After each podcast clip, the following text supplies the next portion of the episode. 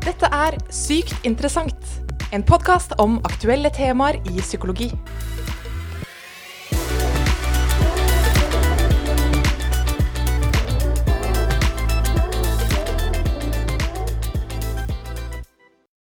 Ungdommen nå til dags har man pleid å si med et litt sånn oppgitt sukk om ungdom. Man har sett på ungdom som både tiltaksløse, selvopptatte og ja, som at de rett og slett ikke bryr seg om noe annet enn seg selv. Men dette passer jo ikke helt med det bildet vi har sett av tusenvis av engasjerte ungdom som streiker og protesterer for nettopp noe større enn seg selv klimasaken. Ungdommen nå til dags de virker rett og slett ganske så engasjert og opplyst. Men samtidig, det gjelder jo ikke alle ungdom. I dagens episode av Sykt interessant skal vi snakke om nettopp dette. Hva er det som gjør ungdom klimaengasjert? Jeg heter Ella Marie Sandbakken, og med meg har jeg dere, Mette Espe Myrmæl, Anja Dun Skauge og Christian Palacios Haugestad, som alle har forsket på ungdom og klima. Hjertelig velkommen. Tusen takk. Hei, hei. Hei, hei. Hyggelig å være her. Veldig hyggelig at dere er her i dag. Og Mette, du er jo en av våre faste programledere. Og vi har snakket om flere psykologitemaer eh, før med deg, men, eh, men dette med klimapsykologi, det er jo noe du er veldig interessert i, ikke sant? Ja, det stemmer. Det var vel egentlig etter en forelesning om klima- og miljøpsykologi, hvor jeg fikk en veldig stor interesse for ja, hvordan vi egentlig kan bruke psykologien da, til å forstå hvordan mennesker kan tenke og handle så ulikt i en så stor global krise som vi faktisk er i. Eh, for det er jo sånn at En hovedvekt av forskning viser at global oppvarming er menneskeskapt. og Derfor er det også viktig at vi mennesker kan gjøre noe med det. Eh, ja, Så tenker jeg at det er viktig å bruke psykologi til å finne ut hva vi kan gjøre. og så syns jeg jo det er ekstra stas å kunne prate om dette med Anja og Christian, da, som også er her i dag. Vi har jo tatt en eh, mastergrad sammen, og vi var faktisk de eneste på kullet som skrev masteroppgave innen klima- og miljøpsykologi. Så veldig hyggelig å ha dere med her i dag. Ja, Kjempegøy at dere ville være gjester her i dag. Så da lurer jeg jo aller først på, da. Vil dere se på dere selv som klimaengasjerte personer? ja, så det, det, kan jeg godt si. Men det er litt morsomt da, hvordan når man først beskriver seg selv som uh, klima- og miljøengasjert, så er det på en måte mange ting man skal uh, oppnå, da, og mange som ser på en og kanskje kritiserer en. Så det, er litt sånn skummelt å si ja, jeg er uh, klimaengasjert. Ja, med mye press? Ja. Hva med deg, Anja? Vil du si det? Ja, jeg, også, jeg syns jo at det er litt sånn når man har forska på de som er aller mest klimaengasjert i et år, sånn som jeg og Kristian har, så ser man jo hvor høyt lista kan ligge hvis man vil da, for å kalle seg klimaengasjert. De som møter opp på alle streiker, som uh, ofrer utdannelsen sin, trosser fraværsgrensa og sånn. Så uh, blir det jo litt høy terskel kanskje for å føle seg klimaengasjert. Men uh, mm. egentlig så vil jeg jo si at jeg er veldig engasjert i klima. Mm, ikke sant. Godt poeng. Ja, det er egentlig litt samme her. Uh, ja, jeg, jeg, har lyst til å si at jeg er engasjert, men jeg vet det er så mange som gjør så mye mer. Så jeg klarer på en måte ikke helt å, å uh, tenke at jeg er nok engasjert. Det blir aldri nok. Det syns jeg er litt synd at det er sånn. Men uh, ja, jeg er engasjert på, på min måte, men uh, mm, ikke like mye som kanskje andre. Ja, men dere er jo alle engasjert i at dere har forsket på klima, i hvert fall. Og det blir veldig spennende å høre litt mer om. Men med tanke på dagens tema så lurer jeg også litt på hvordan var dere som ungdom? Var dere klimaengasjert som ungdommer? Jeg sitter her med tre Greta Thunberger, på en måte. ikke i det hele tatt. Nei. jeg var ikke like engasjert som uh, Greta Thunberg, må jeg si. Men uh, moren min har alltid vært veldig uh, nøye på resirkulering og kjøre minst mulig bil osv. Så, videre. så jeg har på en måte fått det litt med meg hele veien. Men jeg var nok ikke spesielt opptatt av det som ungdom. Nei, det kan jeg ikke si. Nei, Hva med dere? Jeg syns jeg var kanskje klimabevisst etter videregående. Og var litt sånn som skulle ønske at jeg kunne leve mer miljøvennlig. Men så var det de rundt meg var ganske sånn i samme båt. Og, så det var ingen som kunne lede vei, og det ble litt sånn mye å skulle være den personen, på en måte. Sånn som jeg tror mange egentlig føler på. At man uh, bryr seg, men man gjør ikke så mye som man føler at man burde gjøre. Mm. Og så var det når jeg flytta til Oslo og kom inn i en mer sånn klimaengasjert gjeng, så kom det litt mer sånn naturlig av seg sjøl at det var naturlig å snakke om og fokusere mer på. Mm. Ikke sant? Det var ikke noe Greta Thunberg da vi var eh, Nei, det var ungdom, ikke det. så Hva med deg, Kristian? Ja, nei, For meg var det litt sånn tilfeldig, egentlig. Eh, Jeg begynte med å spise vegetarmat. Jeg gikk på folkehøyskole eh, fordi det så diggere ut. Eh, Så kom det noen venner til meg og bare Du vet hvorfor det er viktig å være vegetarianer, ikke sant? Jeg bare Fordi det er digg? Nei, fordi det er, det er viktig for klimaet. Og det var liksom helt nytt for meg da, og da, da begynte jeg å lese meg opp litt. Og det tok liksom litt tid før jeg, jeg skjønte viktigheten av det, men jeg, jeg trengte definitivt den der informasjonen, da, og, og at noen fortalte meg og, og hjalp meg med det. Og dette skal vi jo litt nærmere inn på i dag fra et faglig ståsted. For vi skal snakke litt om klimapsykologi og klimaengasjert ungdom. Men da lurer jeg jo først på hva er egentlig klimapsykologi for noe? Ja, det er jo eh, litt vanskelig å definere av og til. Jeg bruker ofte klima- og miljøpsykologi litt om hverandre. Eh, men det handler jo egentlig om det samme, altså å bruke psykologisk kunnskap til å forstå menneskets atferd, følelser og tanker, da vedrørende klimaproblematikken. Da. Så det handler om å forstå hvordan miljøet påvirker oss mennesker, og hvordan vi påvirker miljøet. Altså det rundt oss, da. Mhm. Man kan jo ta et eksempel på det, som at uh, hvis man eh, ser uh, at vi påvirker verden gjennom at vi borer olje, og vi kjører bil, vi bygger bygninger, vi beskytter oss mot flommer og den type ting. Og det er jo også noe vi gjør pga. hvordan vi ser verden rundt oss. At vi på en måte lever i et økosystem der det vi slipper ut i verden, påvirker oss tilbake igjen, da, sånn som med eh, klimagassutslipp og f.eks. naturkatastrofer og det som kan skje i fremtida. Men så er det jo sånn at vi mennesker vi blir jo ikke bare direkte påvirka av verden, vi ser jo også eh, verden ulikt gjennom ulike perspektiver og ulike Mm. tolkninger av verden. Og det er jo derfor klimapsykologi blir så interessant, fordi vi alle sammen oppfatter litt ulikt hva som egentlig foregår. Ja, ikke sant. Da vet vi litt om hva klimapsykologi er, og har blitt litt kjent med dere som sitter her i studio. Og dette med at folk forstår verden ulikt, og oppfatter verden ulikt, det kan jo kanskje ha noe å gjøre med hvorvidt de vil engasjere seg for klimasaken. Så da vil jeg gå litt, gå litt nærmere inn på det dere har forsket på. Det syns jeg er veldig spennende. Mette, vi kan jo starte med deg. Du har jo skrevet masteroppgave om klima- og miljøpsykologi og forsket på miljøvennlige holdninger, hvordan man utvikler det. Kan du fortelle litt mer om hva, hva var det du har forsket på? Ja, eh, jeg kan jo først si litt om hva miljøvennlige holdninger er. Da. Det er jo en, på en måte en mening um, om hva enkeltmennesker kan gjøre for å redusere sitt økologiske fotavtrykk, altså bli mer miljøvennlig. Da. Og det kan enten være en positiv holdning eller en negativ holdning. Og jeg undersøkte da om det å være mye ute i naturen gjennom barndommen eh, gjør at ungdom utvikler mer positive miljøholdninger. For teorien, enkelt forklart, da, er at det å tilbringe tid ute i natur gjør at vi danner um, en forståelse av hvor viktig det er å ta vare på miljøet rundt oss og andre levende organismer. Så grunnen til at jeg undersøkte det, var at det var publisert mye forskning som tydet på at det var slik. Da. Altså at naturen gjør oss mer miljøvennlig, på en måte. Ok, og så er det så enkelt da, på en måte at eh, hvis man er mye ute i naturen, så kan man bli mer miljøvennlig? Ja, altså mye forskning tyder på det, men i min studie så fant vi ikke det.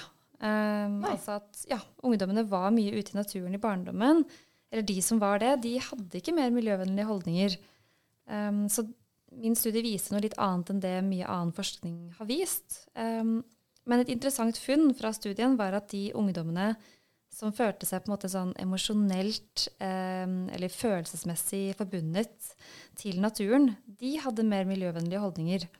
Så det tyder på at det å føle seg på en måte i ett med naturen, og at man tenker at naturen er viktig for deg, og føler at det er en del av selve ditt, da, eh, har med å gjøre om man ønsker å beskytte naturen. Så kanskje man skal se litt mer på disse emosjonelle, følelsesmessige tingene som ligger bak det å være miljøvennlig.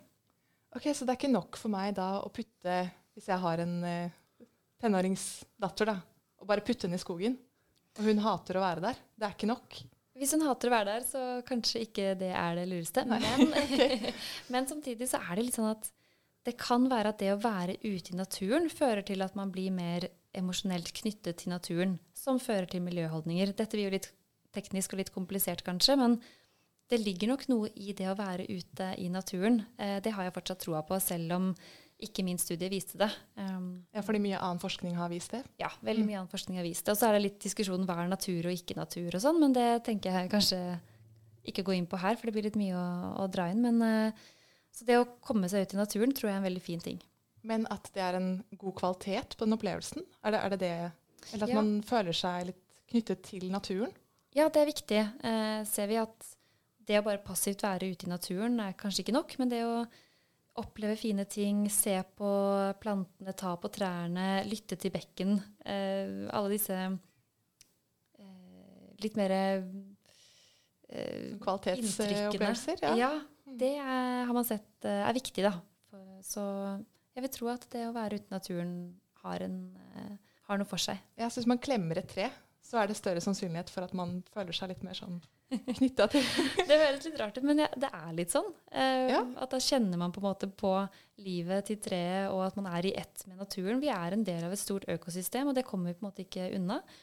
Eh, så det å på en måte innse det og, og, og forstå det på et dypere nivå, det kan eh, påvirke om vi ønsker å beskytte naturen eller ikke. Ok, Spennende. Så nå har vi hørt litt fra deg, Mette, om hva det er som gjør at ungdom kan utvikle klimavennlige holdninger ved å klemme trær og ha litt eh, kvalitetsopplevelser i naturen.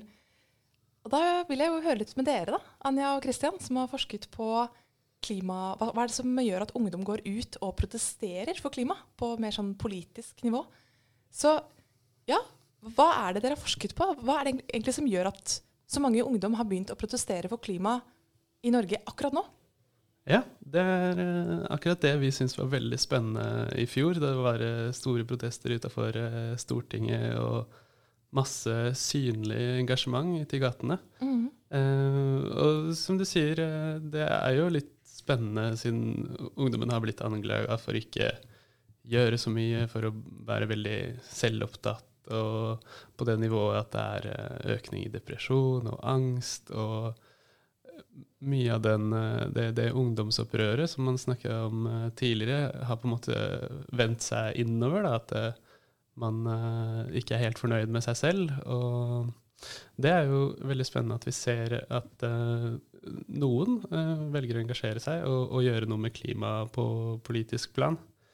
Um, og grunnen til dette er jo det er mange grunner til at det, er, at det skjer akkurat nå. Um, kanskje spesielt dette her med, med Greta Thunberg, og at uh, man ser at det er en, en, global bevegelse. At det er uh, stort. Det er mange som, uh, som gjør det. Det er veldig tilgjengelig og tydelig i sosiale medier. og Um, spesielt dette her med at man uh, kjenner seg igjen i uh, de som protesterer. Altså, det er jo unge mennesker, ikke sant? og man har sett uh, bilder fra andre land. Og, og, og Greta spesifikt, da, det er jo en ung jente som kanskje mange unge kan relatere seg til. som har dette, denne, dette engasjementet da, som kanskje kan smitte over og, og peke på en, en frustrasjon som kanskje mange har. Da. Um, og i tillegg så er det uh, sannsynligvis dette her at man uh, ser at uh, alt det man gjør, ikke virker å ha en stor effekt. Da. Fordi når man snakker om klimaendringer, så har det ofte vært en sånn en diskurs om at det er noe som skjer langt fram i tid, og det kommer til å ha konsekvenser for folk langt unna. Så det er veldig vanskelig å relatere til seg selv. Mens eh, som unge så har man kanskje med denne tilgangen til informasjon eh, og dette forestillingsevne um, klart å koble det, og, og ser at eh, OK, det er min framtid det handler om, og det kommer til å ha konsekvenser for meg, og det er urettferdig. Eh, så det kan være en, en, av faktorene som er med på å forklare at det er store protester, at det har vært det. Mm. Ja, og dette har jo dere forsket på. Dere har vært uh, ute og intervjuet folk, ikke sant? Mm. Så blant annet, uh, hva var det dere da fant i intervjuene? Dere, dere var litt på streik og intervjuet, og, og litt også med klima, uh, eller kjernepersoner i, bak klimaaktivismen, ikke sant? Mm, det stemmer. Eh, vi har vært eh, ute på streik og intervjua folk, og eh, i tillegg eh, snakket med sentrale personer i eh, miljøbevegelsen. Og prøvd å forstå litt uh, hvilke motivasjoner som ligger bak dette her. Og en av de viktige tingene er jo på en måte denne systemforståelsen. at de forstår at individtiltak ikke er nok i seg selv for å løse klimakrisa, men at de skjønner at det er noe større som må skje for at uh, man kan uh, adressere klimaendringene på en uh, mer effektiv måte. Da. Og I tillegg så er det veldig viktig dette her med at man ser at andre er med, er engasjert, og at man føler på det fellesskapet. Da, at det, det er en, en, greie man gjør sammen, noe hyggelig man samles rundt.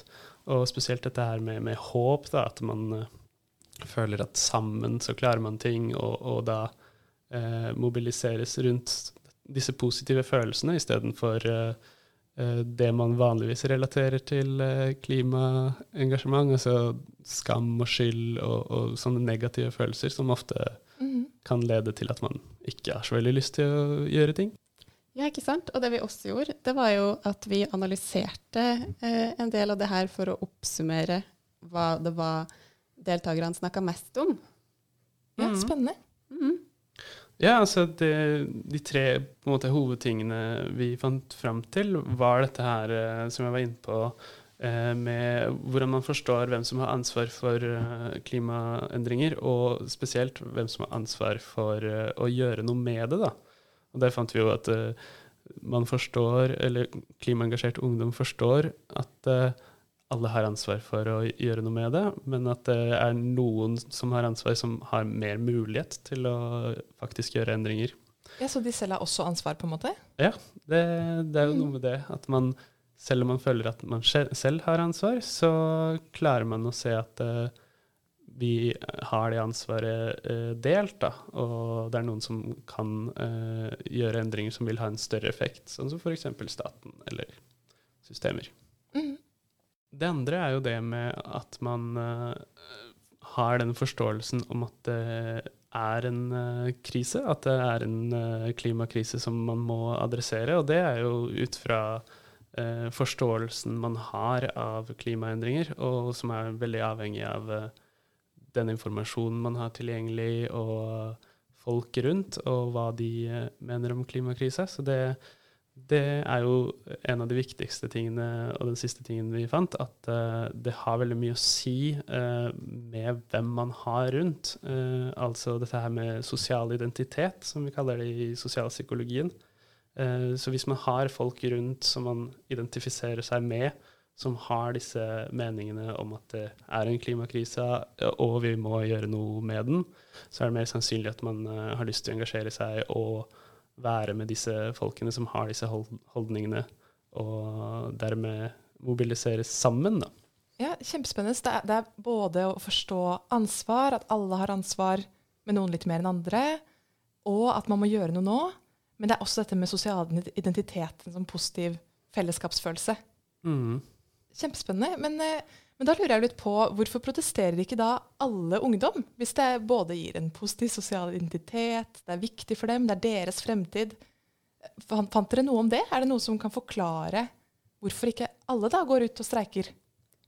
Ja, det er jo veldig spennende spørsmål, og noe som stilles eh, en del i forskninga også. Fordi ja. Det er jo som regel sånn at selv om et politisk tema gjelder ganske mange mennesker, så er det de færreste som møter opp og protesterer eller demonstrerer for den saken. Mm. Uh, og det er jo det samme med klima også. Så det vi gjorde da, var at vi tok utgangspunkt i den analysen som Kristian har snakka om nå, og så laga vi et spørreskjema der vi stilte videregående skoleelever en del spørsmål om uh, det de mente om klima og klimastreik osv., og, så videre, og også om de var villige til å delta på klimaprotester i fremtida. Og de her ungdommene var både folk som hadde vært med på streik tidligere, og ikke hadde vært med på streik tidligere. Og da fikk vi jo bekrefta det her med identitet, da. At uh, det å identifisere seg med skolestreikbevegelsen, det gjorde at folk var mer villige til å være med på streik i fremtida. Og det er også at man følte at det her eh, å være med på streik faktisk kunne føre til politisk endring. Og det tenker vi også at har sammenheng med at man føler seg At man identifiserer seg med skolestreikbevegelsen. Da, og det kan jo kanskje gå litt begge veier. At man får mestringstro eller tro på at det her kommer til å gå bra av å være på streik. Eh, men også kan eh, være grunnen til at man møter opp i den første omgangen.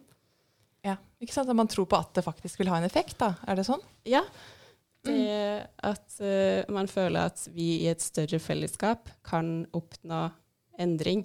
Mm. Fordi det kan jo være veldig vanskelig å kjenne på det når uh, man er bare seg sjøl som individ, og de her uh, unge de har jo ikke alltid de er ikke alltid gamle nok til å ha stemmerett engang. Mm. Så de har ikke nødvendigvis så mange andre muligheter til å påvirke klimapolitikken. Ikke sant. Så, så en som da ikke streiker for klima, hva, hva, kan det skyldes? Er det på en måte at man kanskje ikke har den identiteten, vennene ikke drar på streik, eller at man ikke tror det vil ha en effekt? Er, er det det du Eller er det noe annet? Ja, det er noen av tingene som vi fant. I tillegg så virka det som at de som var mest villige til å være med på streik, de følte på mer kollektiv skyldfølelse. Og det vil si, det vi kjenner som skyldfølelse, til vanlig, det er individuell skyldfølelse. Og det gjør at man, eh, hvis man føler individuell skyld for klima, så vil det gå på sånn at man ikke resirkulerer nok, f.eks. på mm. individuelle handlinger. Mens kollektivt så går det på at jeg som menneske er med på å ødelegge naturen, eller å eh, skape klimaendringer. Så de som kjente på det, de var mer villige til å være med på streik enn de som ikke gjorde det. Og i tillegg så er det jo det her med at man faktisk må anerkjenne at øh, mennesker er med på å skape miljøendringer, og at det kan føre til miljøødeleggelser i fremtida. Mm. Spennende. Mm. Så det er noe med det at uh, man må på en måte uh, forstå at man er en del av det, og tro på at man uh, kan gjøre noe endring ved å engasjere seg på den måten. Så det, hvis du er i en gruppe eller en sosial klasse eller har foreldre som uh, f.eks.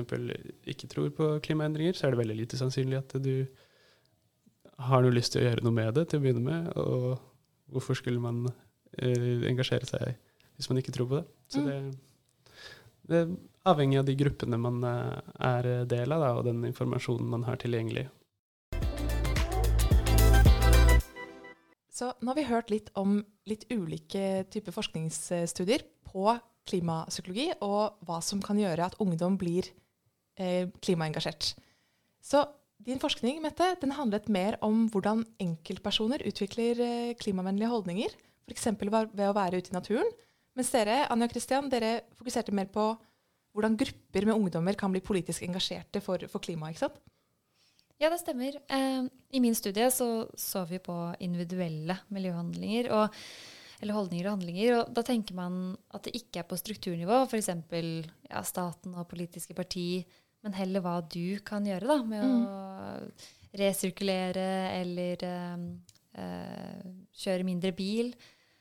Og så har studier vist da, at strukturelle miljøhandlinger, som f.eks. det å streike eller bli medlem av et uh, grønt parti, har større betydning enn disse individuelle handlingene. Og det er derfor jeg har begynt å gi penger til organisasjoner som uh, jobber med dette her på et litt sånn mer strukturnivå da, enn å altså, resirkulere fortsatt, men uh, at jeg tenker at det er viktig, da, å heller gjøre ting som uh, går på et litt mer sånn strukturnivå. Ja, I hvert fall ikke bare skamme seg over alt man ikke gjør, kanskje. Nettopp. Ja. Ja, jeg vil jo si at uh, Mette har forska litt mer på individuelle miljøholdninger. Vi har forska mer på kollektive miljøholdninger, som da altså går på holdninger som er delt i en gruppe. Uh, og begge deler kan være veldig interessant og veldig nyttig, men det som er problemet, er jo hvis konklusjonen i all psykologisk forskning blir at det er individuelle tiltak som er det mest effektive for å løse klimakrisa. Mm. Fordi individuelle tiltak er jo som Mette sier, ikke de mest effektive tiltakene vi kan uh, innføre. Det er tiltak som går på at man skal motivere individer til å velge mer klimavennlige valg, men det er fortsatt opp til hver enkelt. Så det blir fort at det er de som bryr seg mest, som tar den største byrden. Og så tar man sjelden med individuelle tiltak å fokusere på de aller største problemene vi har, som med klesindustri eller oljeindustri. Og det å engasjere seg politisk vil jo ha mer effekt på den type problemer. Mm. Men, men, er det da viktig å resirkulere i det hele tatt? Ja, det vil jeg absolutt si. Altså, ja. Individuelle handlinger er kjempeviktig. Eh, for altså, tenk hvis ingen hadde gjort det, så hadde det jo eh, det er veldig viktig. Men eh, man har sett at disse handlingene på et mer strukturnivå og ja, sånn som å streike eller politisk parti, altså disse Det er viktigere, da. Ja, det er enda mer eh, effektivt? Mm -hmm. Ja, det er mer effektivt. Jeg tenker også at det, det er viktig for uh, ens egen opplevelse av mestring, da, og som en del av denne sosiale identiteten som vi snakker om. At uh, som miljøinteressert person så gjør jeg som miljøinteresserte folk gjør, altså passe på klimaet på alle mulige områder som jeg har mulighet til å gjøre det i. da. Sånn at uh, det vil jo ikke gi mening å, å stemme grønt hvis man uh, også flyr masse rundt og gjør det, disse tingene. Uh, så det, det, er noe vi mennesker prøver å etterstrebe. Da, en, følelse av at vi, er en kongruent person. Altså det, vi henger sammen, på en måte? Definitivt. Ja, og så viser det jo på en måte, det signaliserer noe også da, til andre hvis du resirkulerer, hvis du tar kollektivt istedenfor å kjøre bil. Eh, så det blir kanskje litt sånn smitteeffekt. At eh, OK, jeg gjør dette, og da begynner jo kanskje andre også å gjøre det. Så jeg tror det er veldig viktig med, med begge deler. Mm, helt klart. Så det er jo bare at det å gå og skamme seg for seg selv er jo kanskje ikke det mest effektive. Mm. Ja. det er en ganske fin eh, moral på historien. Men eh, ja, så hvilken felles lærdom, det vil jeg høre litt om helt til slutt, er det vi kan få fra begge, altså alle dere tres eh, forskning på klima og ungdom? Hva vil dere felles si at det er som gjør ungdom klimaengasjert?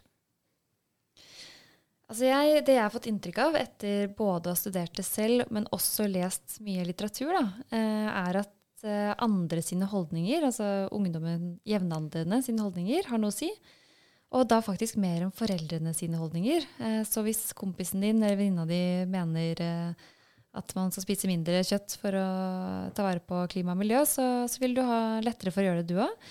Og så er det veldig viktig med kunnskap om hva er egentlig denne klimakrisen, og hva er global oppvarming? Hvordan påvirker det oss? Altså Kunnskap er veldig viktig. Og så vil jeg jo si at selv om ikke min studie fant det, så tror jeg det å være ute i naturen og, og, på en måte oppdage hvor viktig den er for deg som menneske, er uh, viktig for å forstå uh, at man må ta vare på den. Mm. Det er veldig viktig med, med, det du nevner, med informasjon. Altså det å, å forstå uh, og ha denne tilgangen til uh, hva er det som funker, hva er det som er miljøvennlig, uh, hva er det jeg kan gjøre for å være mer miljøvennlig.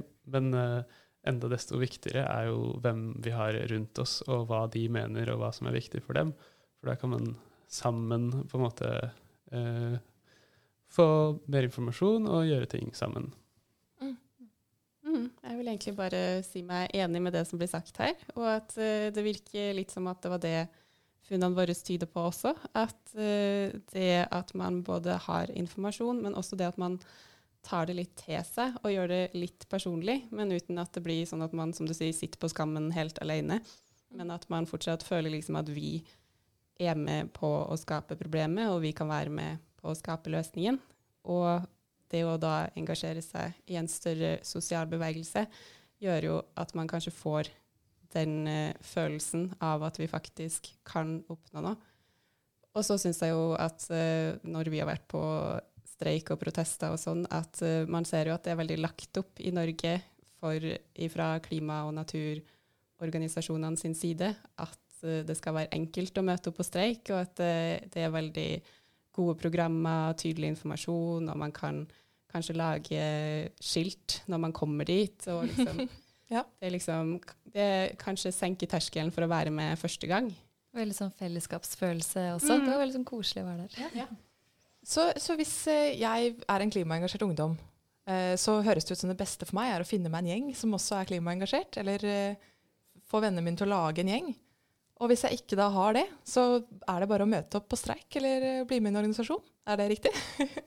Ja, det vil jeg si. Og så kan det også, hvis man er økonomisk Hvis man har økonomisk mulighet til det, da, og bidra også med å gi penger til de organisasjonene som jobber med det, hvis man selv kanskje ikke har tid eller har så lyst til å møte opp. Men selvfølgelig helst eh, være med på streik òg. Ja, Er dere enige i det, dere? Mm. Det høres ut som en eh, god konklusjon. Ja. Så da vil jeg bare si tusen hjertelig takk for at dere kom hit for å snakke om dette spennende, aktuelle temaet her hos oss. Vi må jo bare si at, eh, eller jeg, at jeg er veldig imponert over dagens ungdom. Og alt de får til og har satt på agendaen. Hva var det du sa så fint, Anja? Vi sammen kan vi finne løsningen, ikke å skamme oss for oss selv. Ja. Det syns jeg var et fint eh, siste ord. Så jeg er altså Ella Marie Sandbakken, og med meg har jeg hatt Mette Espe Myrmæl, Christian Polasius Haugestad og Anja Dun Skauge. Tusen takk for at du hørte på denne episoden. Du har nettopp hørt en episode av Sykt interessant, en podkast om aktuelle temaer i psykologi.